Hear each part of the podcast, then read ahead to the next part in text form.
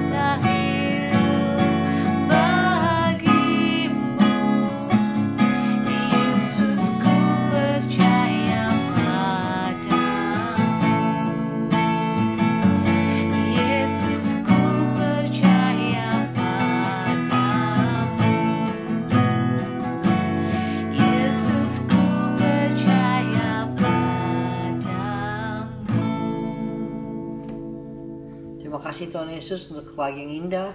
Sebentar kami akan membaca firman-Mu. Berbicaralah Tuhan Yesus untuk menjadi rema dalam hati kami. Terima kasih Yesus. Amin. Amin.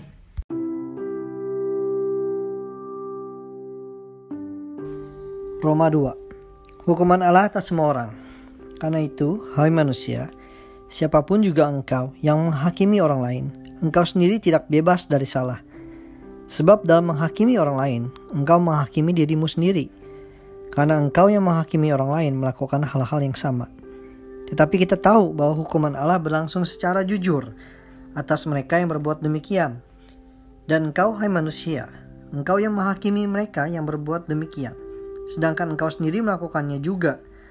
Adakah engkau sangka bahwa engkau akan luput dari hukuman Allah? Maukah engkau menganggap sepi kekayaan kemurahannya, kesabarannya, dan kelapangan hatinya? Tidakkah engkau tahu bahwa maksud kemurahan Allah ialah menuntun engkau kepada pertobatan? Tetapi oleh kekerasan hatimu yang tidak mau bertobat, engkau menimbun murka atas dirimu sendiri pada hari waktu mana murka dan hukuman Allah yang adil akan dinyatakan. ia akan membalas setiap orang menurut perbuatannya, yaitu hidup kekal kepada mereka yang dengan tekun berbuat baik, mencari kemuliaan, kehormatan, dan ketidakbinasaan. Tetapi murka dan geram kepada mereka yang mencari kepentingan sendiri, yang tidak taat kepada kebenaran, melainkan taat kepada kelaliman. Penderitaan dan kesesakan akan menimpa setiap orang yang hidup yang berbuat jahat. Pertama-tama orang Yahudi dan juga orang Yunani. Tetapi kemuliaan, kehormatan, dan damai sejahtera akan diperoleh semua orang yang berbuat baik. Pertama-tama orang Yahudi dan juga orang Yunani. Sebab Allah tidak memandang bulu. Sebab semua orang yang berdosa tanpa hukum Taurat akan binasa tanpa hukum Taurat dan semua orang yang berdosa di bawah hukum Taurat akan dihakimi oleh hukum Taurat. Karena bukanlah orang yang mendengar hukum Taurat yang benar di hadapan Allah, tetapi orang yang melakukan hukum Tauratlah yang akan dibenarkan. Apabila bangsa-bangsa lain yang tidak memiliki hukum Taurat oleh dorongan diri sendiri melakukan apa yang dituntut hukum Taurat, maka walaupun mereka tidak memiliki hukum Taurat, mereka menjadikan hukum Taurat bagi diri mereka sendiri Sebab dengan itu mereka menunjukkan bahwa isi hukum Taurat ada tertulis dalam hati mereka dan suara hati mereka turut bersaksi dan pikiran mereka saling menuduh atau saling membela. Hal itu akan nampak pada hari bila mana Allah sesuai dengan Injil yang kuberitakan akan menghakimi segala sesuatu yang tersembunyi dalam hati manusia oleh Kristus Yesus. Hukum Taurat dan Sunat tidak menyelamatkan orang Yahudi. Tetapi, jika kamu menyebut dirimu orang Yahudi dan bersandar kepada hukum Taurat, bermegah dalam Allah, dan tahu akan kehendaknya, dan oleh karena diajar dalam hukum Taurat, dapat tahu mana yang baik dan mana yang tidak, dan yakin bahwa engkau adalah penuntun orang buta, dan terang bagi mereka yang di dalam kegelapan. Pendidik orang bodoh dan pengajar orang yang belum dewasa, karena dalam hukum Taurat engkau memiliki kegenapan segala kepandaian dan kebenaran. Jadi, bagaimanakah engkau yang mengajar orang lain? Tidakkah engkau mengajar dirimu sendiri?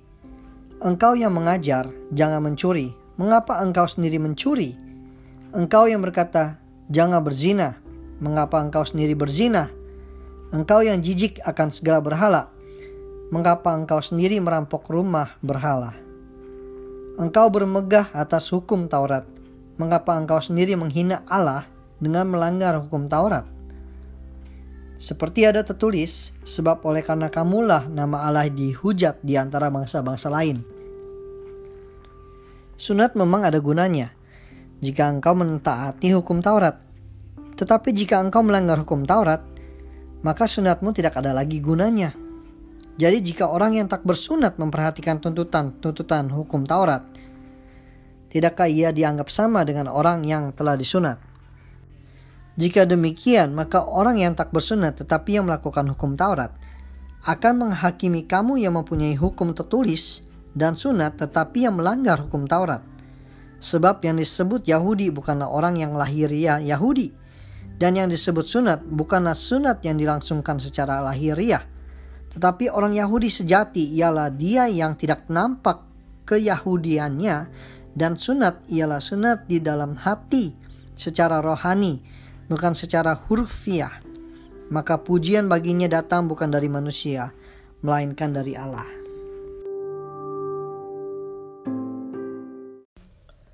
Oke, rema yang saya dapat, Tuhan itu adalah hakim yang adil. Tuhan mengadili tanpa pandang bulu baik orang Israel maupun bangsa lain. Ia mengasihi tanpa pilih-pilih. Dalam pasal yang kedua ini kita belajar bagaimana hukum Taurat itu berlaku bagi semua orang yang percaya padanya. Keselamatan memang adalah pemberian, anugerah, tapi kita semua telah menerima anugerah keselamatan itu harus memperkerjakannya. Filipi 2 ayat 12, kerjakan keselamatanmu dengan takut dan gentar. Dengan bagaimana kita bisa tetap setia? di ayat yang ke-7 dan ke-8 yaitu dengan terus fokus pada janji Allah dan taat melakukan perintahnya dan tidak tergoda untuk mengejar keinginan sendiri. Kita harus jaga kehidupan kita agar tidak keluar dari perintahnya. Tuhan tidak bisa dibohongi. Ia bisa melihat isi hati kita yang terdalam. Kita dipilih untuk bukan hanya untuk diselamatkan, tetapi juga untuk menuntun mereka yang masih buta. Kita ditugaskan untuk bersaksi dan juga menuntun dan mengajar, sedangkan menghakimi bukanlah tugas kita. Di ayat yang ke-29, kita dapat tahu bahwa hukum Allah ini tertulis dalam hati kita saat kita mengundang Yesus masuk ke dalam hati kita. Itulah sebabnya dalam Roma 14 ayat 8 tertulis, Sebab jika kita hidup, kita hidup untuk Tuhan. Dan jika kita mati, kita mati untuk Tuhan. Jadi baik hidup atau mati, kita adalah milik Tuhan. Amin. Oke, ayat favorit saya di Roma 2 ayat 23 dan 24. Paulus di sini bicara mengenai orang-orang Yahudi yang bermegah atau bangga atas hukum Taurat mereka. Namun mereka sendiri menghina Allah dengan melanggar hukum itu sehingga nama Allah dihujat oleh bangsa-bangsa lain. Kalau tahu dan mengerti hukum-hukum Allah saja itu sebenarnya tidak cukup. Yang perlu kita lakukan adalah mentaati dan menjalankan hukum-hukum tersebut.